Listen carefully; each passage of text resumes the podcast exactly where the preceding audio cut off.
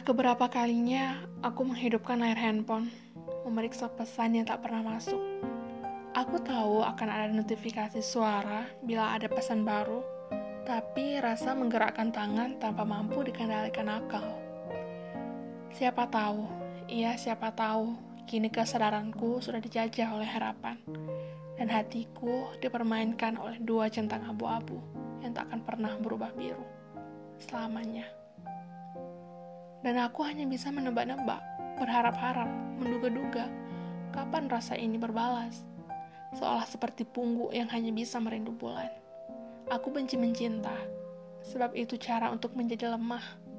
Begitu engkau mempercayakan jiwamu pada seseorang, maka engkau rapuh, bahkan oleh diamnya.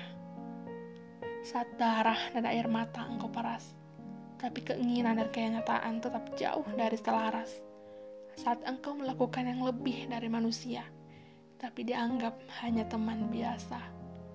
Sulit sekali punya rasa, karena tak semua punya suara, tak semua bisa ditara, apalagi terlihat mata. Harapan itu kejam, sebab ia jadikan waktu sebagai penawar juga siksa. Sekarang udara seolah tersedot hilang dari kamarku. Asap keraguan kini mengaburi mataku. Memercik api tanya, kenapa? Kenapa bukan aku? Tanya tanpa jawab.